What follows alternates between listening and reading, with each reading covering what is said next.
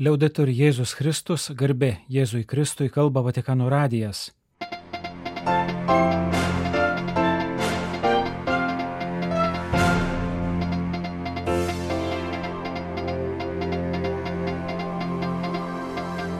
Malonus klausytojai šioje programoje.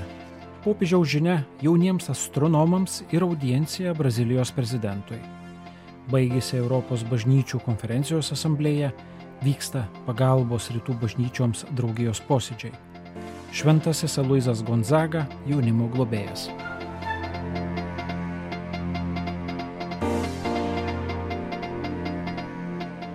Birželio 21-osios popietę popiežius Pranciškus audiencijoje priemė Brazilijos federacinės respublikos prezidentą Luizą Inacijo Lula da Silva su palyda. Šventojo sosto spaudos salės pranešime pridurima, jog tuoj po susitikimo su popiežiumi Brazilijos vadovas susitiko ir su arkivyskupu Edgaru Penapara, aukštų Vatikano valstybės sekretoriato pareigūnu.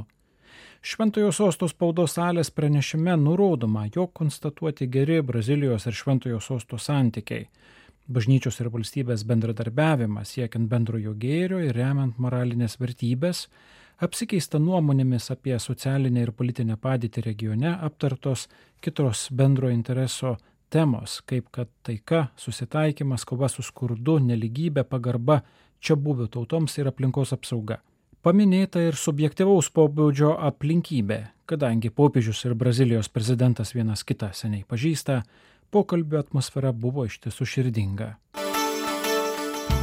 Kaip pranešė istorinė Vatikano observatorija įrengta popiežių rezidencijoje Kastel Gandolfe, Romos apylinkėse, šiemetinės vasaros mokyklos kursuose birželio 4-30 dienomis dalyvauja 24 jauni astronomai iš 20 šalių. Pagrindinė kursų tema - visatos tyrinėjimai - duomenų mokslo įrankiai astronominiams tyrimams. Šiuolaikiniai astronomų teleskopai, jutikliai, kiti įrankiai labai patobulėjo palyginus su visai nesena praeitimi. Jie fiksuoja daugybę milijardų dangaus kūnų ir pateikia dar daugiau duomenų. Joks mokslininkas jų negali apriepti, nepasitelkęs mašininio mokymosi ir didelių duomenų analizės įrankių. Kaip pranešė Vatikano observatorija, su šiais įrankiais jaunus astronomus supažindins ir mokys jais naudotis savo tyrimams keli pasaulinio garso mokslininkai, kaip kad profesorė Viviana Kvavyva ar profesorius Želko Įvezič, abu dirbantis Junktinėse valstijose, keletas kitų mokslininkų. Priduriama, jog paraiškas dalyvauti Vatikano observatorijos vasaros kursuose pateikė per 200 kandidatų, buvo atrinkti tie, kurie išsiskiria motivacija ir perspektyvomis, ypač skiriant dėmesį tiems, kurie turi mažiau galimybių savo pačių kraštuose. Pirmoji Vatikano observatorijos vasaros mokykla surinkta 1986 metais, o per visą jų rengimo laikotarpį kursuose dalyvavo apie 400 studentų, ko ne visi tęsė ar tęsė mokslininkų kelią. Paprastai kiekvienos vasaros mokyklos laidą audiencijoje asmeniškai priima popiežius. Tačiau dėl visai neseniai atliktos operacijos, kurie sumaišė numatytus susitikimus, Pranciškui teko apsiriboti žinia. Mus žavi didieji atradimai apie visatą, su kuriais šiomis dienomis mūsų pažindina astronomai. Mes grožimės nuostabiais vaizdais, kuriuos siunčia naujasis Jameso Webo kosminis teleskopas o kai pradės veikti Veros Rubin observatorija, tikimės pamatyti, kaip visata plečiasi ir keičiasi mūsų akise. Ypač mus stebina visatos platybės, jos milžiniškas mastas ir stulbinantis galaktikų, žvaigždžių ir planetų, kurias pavyko nustatyti skaičius, rašo popiežius jauniesiems astronomams. Jis priminė prieš 2000 metų psalmininko užrašytus žodžius, kai pasižiūriu į tavo dangų, tavo pirštų darbą, į minulį ir žvaigždės, kuriuos tu pritvirtinai, kas yra žmogus, kad jį atsimeni, kas yra mirtingasis, kad jo rūpinėsi. Visatos didybė visada kėlė žmonijos nuostabą. Vien jos dydis gali būti pribloškiantis, net gazdinantis. Būdami jauni 21 amžiaus pradžios mokslininkai šioje vasaros mokykloje siekiate suvokti šią didžiulę erdvę ir sukurti metodus, padedančius geriau įsisavinti ir suprasti nulatinį naujų duomenų srautą, pažymi Pranciškus. Vis tik, pasak jo, net ir turint geriausius įrankius, jų rezultatų kokybė priklauso nuo juos naudojančiųjų išminties ir patirties. Moksle ir filosofijoje galime būti gundomi gauti tik tuos atsakymus, kurių jau tikėjomės ir nesileisti būti nustebinti naujais ar nenumatytais atradimais. Tikiuosi, kad nesitenkinsite savo tyrimo rezultatais tol, kol nepatirsite nustebimo. Ir nors į tikrovę žvelgiate pro astronomijos langą, nepamirškite ir kitų langų, galinčių jums parodyti kitas svarbes tikrovės, pavyzdžiui, užuojautą ar meilę, tikrovės, su kuriomis be abejonės susidurėte ir šiomis dienomis užsimesgančiose tarpusavio draugystėse, rašo popiežius Pranciškus. Anot jo galbūt nuostabiausias dalykas visatoje yra tai, kad joje yra tokių būtybių kaip mes - moterų, vyrų, galinčių stebėtis, stebėti ir klausinėti. Neatsitiktinai psalmininkas, kuris stebėjusi dievų rūpeščių, mirtingų žmogumi, tuoj pat priduria. Tu padarėjai jį tik truputį žemesnį už save ir apvainikavai jį garbę ir didybę. Tegul jūsų tyrimuose ir gyvenime visada išlieka nuostabos jausmas, pakartojo popiežius Pranciškus. Tegul jūs visada įkvepia meilę tiesai ir stebina viskas, ką kiekviena visatos dalis jums parodo, rašo šventasis tėvas 2023 Vatikano observatorijos vasaros mokyklos kursų dalyviams. Birželio 19-22 dienomis Romoje vyksta Rytų bažnyčių dikasterijos plenarinė asamblėja. 96-oji Ruako rytų bažnyčioms teikiančios pagalbą sąjungos plenarinė asamblėja prasidėjo vykdomojo komiteto posėdžių birželio 19 dieną. Antradienį rytų bažnyčių dikasterijos prefektas ir Ruako pirmininkas arkivyskupas Klaudijo Gudžeroti vadovavo asamblėjos atidarimo Euharistijai. Mišių metu melstasi už taiką šalise, kurios kenčia nuo karo ir socialinio bei politinio nestabilumo prisiminti visi geradariai, viešpačiui pavesti asamblėjos darbai. Pirmojoje sesijoje dėmesys sutelktas į situaciją Šventojoje žemėje, kurią pristatė apaštalinis delegatas Jeruzalėje vyskupas Adolfo Tito Ilana, Siono kalno kustodas kunigas Francesco Patton, Betlėjaus universiteto vicekancleris brolis Peter Brey. Vėliau Vatikano valstybės sekretorius kardinolas Pietro Parolin pristatė diplomatinius šventojo sosto veiksmus Ukrainoje, artimuosiuose rytuose ir Etiopijoje. Antradienį po pietų dėmesys perkeltas į Turkiją ir Iraną, kurių padėtį apžvelgė apaštaliniai nuncijai viskupai Marek Solžinski ir Andžiai Jožovič. Diena baigėsi Eritrėjos sociopolitinė ir religinė apžvalga. Birželio 21 skirta jaunimo atstovų atvykusių į Romą iš 13 šalių pasisakymams. 30 jaunuolių Birželio 16-23 dienomis diskutavo apie tai, kaip bažnyčia įtraukia jaunimą į savo kelionę, apie jaunimo įsipareigojimą vardan bendrojo gėrio. Šios apmąstymų savaitės metu jaunuoliai kartu meldėsi, bendravo, diskutavo, lankė miestą, susitiko su plenarinės asamblėjos dalyviais. Keturių dienų asamblėjoje dalyvavo katalikiškų agentūrų atstovai, rytų bažnyčių dikasterijos vadovai, tarnautojai, Šventojo sosto sekretoriato santykių su valstybėmis atstovai. Darbų pabaigoje planuojami tolesni susitikimai, apibendrinamos išvados. Birželio 22 dieną numatytas asamblėjos dalyvių susitikimas su šventuoju tėvu.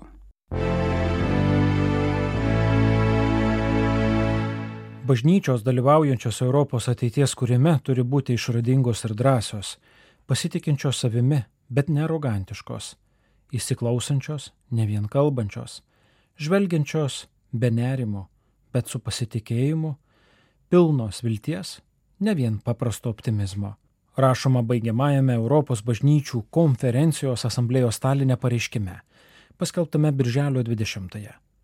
Priminame, kad Europos bažnyčių konferencija sudaro 114 protestantų, ortodoksų ir anglikonų bažnyčių, bendruomenių ir tarpbažnytinių organizacijų.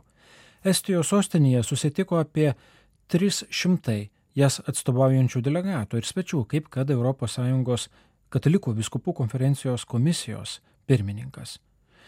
Europos bažnyčių konferencijos generalinės asamblėjos tema - ateities kūrimas su Dievo palaiminimu. Pasak baigiamojo pareiškimo, palaiminimas taip pat reiškia išlaisvinimą.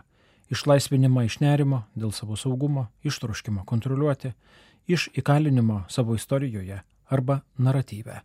Dabartinėme konfliktiškame pasaulyje priimant iššūkį duoti savo indėlį vis labiau sekularizuotame politinėme Europos kontekste.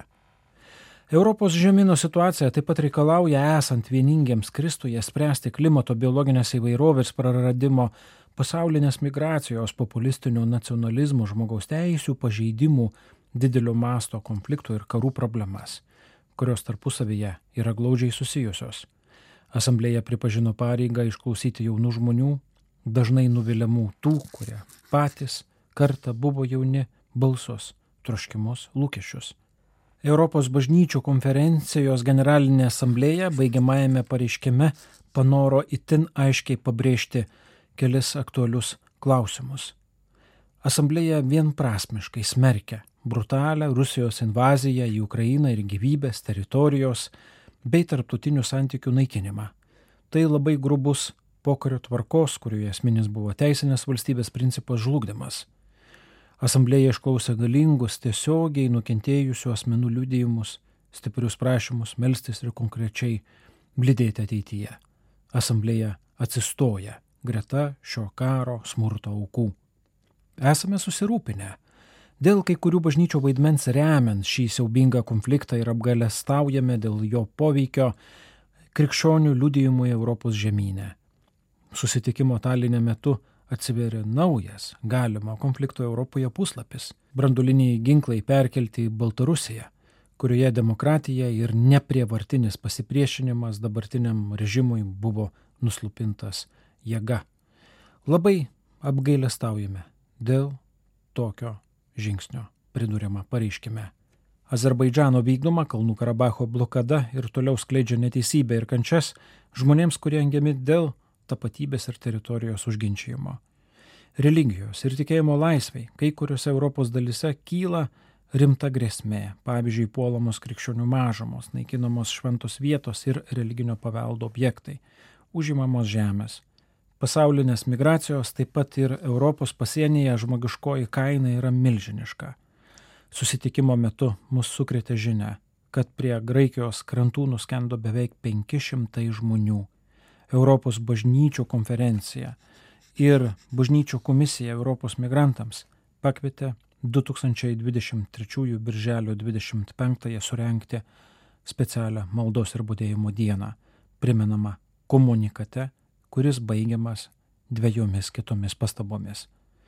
Europos bažnyčio konferencija buvo įsteigta siekiant sukurti erdvę, kurioje skirtingos istorijos, politikos ir etinės kilmės europiečiai galėtų susitikti kartu dėl ir nepaisant požiūrių bei patirties skirtumų.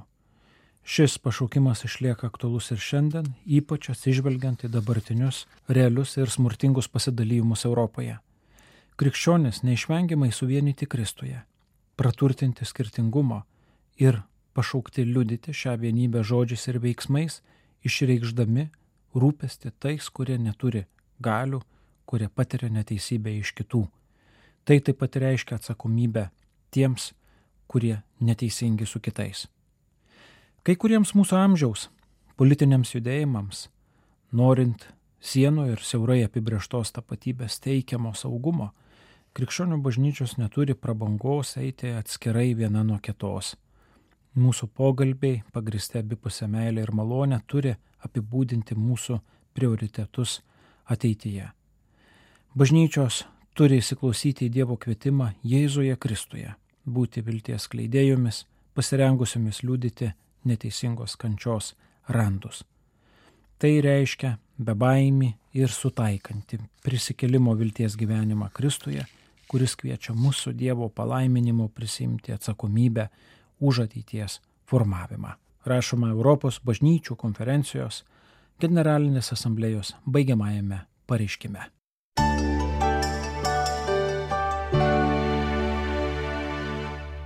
Trečiadienio žinutėje socialinių tinklų erdvėje popiežius Pranciškus priminė šventąjį Aloizą Gonzagą jo liturginio minėjimo Birželio 21 progą. Šiandien minime šventąjį Aloizą Gonzagą, katalikiško jaunimo globėją.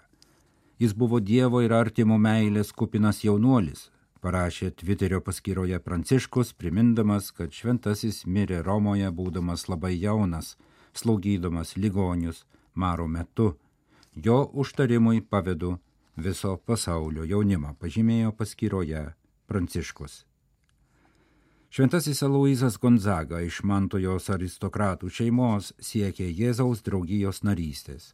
1585 metais pradėjo novicijatą Romoje, mokė vaikus katekizmo, slaugė ligonius maro metu. Šventasis Aloizas prisidėjo prie jėzuitų bendruomenės narių ir kito garsaus šventojo ligonių globėjo kunigo Kamilio Leliečio pastangų gelbėti ir slaugyti sergančiuosius. Nors Aloizui buvo pavesta slaugyti tuos, kurie maru nesirgo, bet jis juo užsikrėtė, kai į ligoninę iš gatvės atvedė vieną sunkiai sergantį žmogų.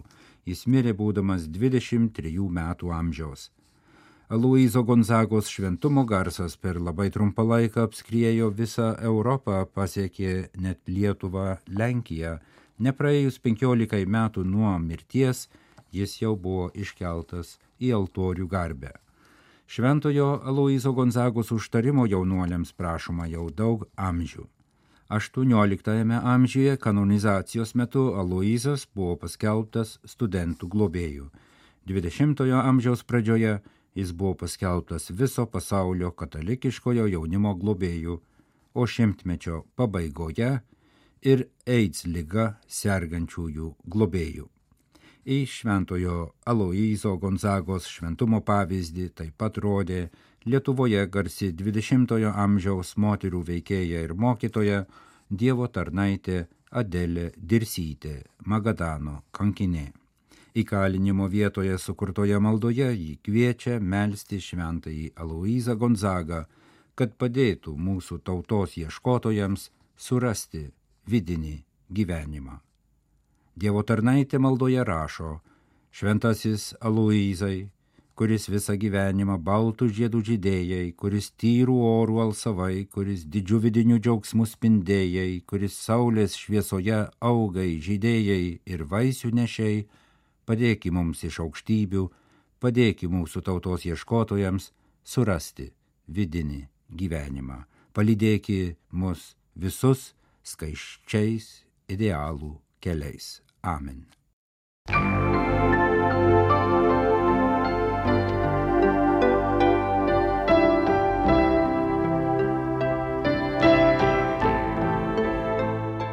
Malonus klausytojai laidą lietuvių kalba baigiame kalba Vatikano radijas. Garbė Jėzui Kristui, liaudai turi Jėzus Kristus.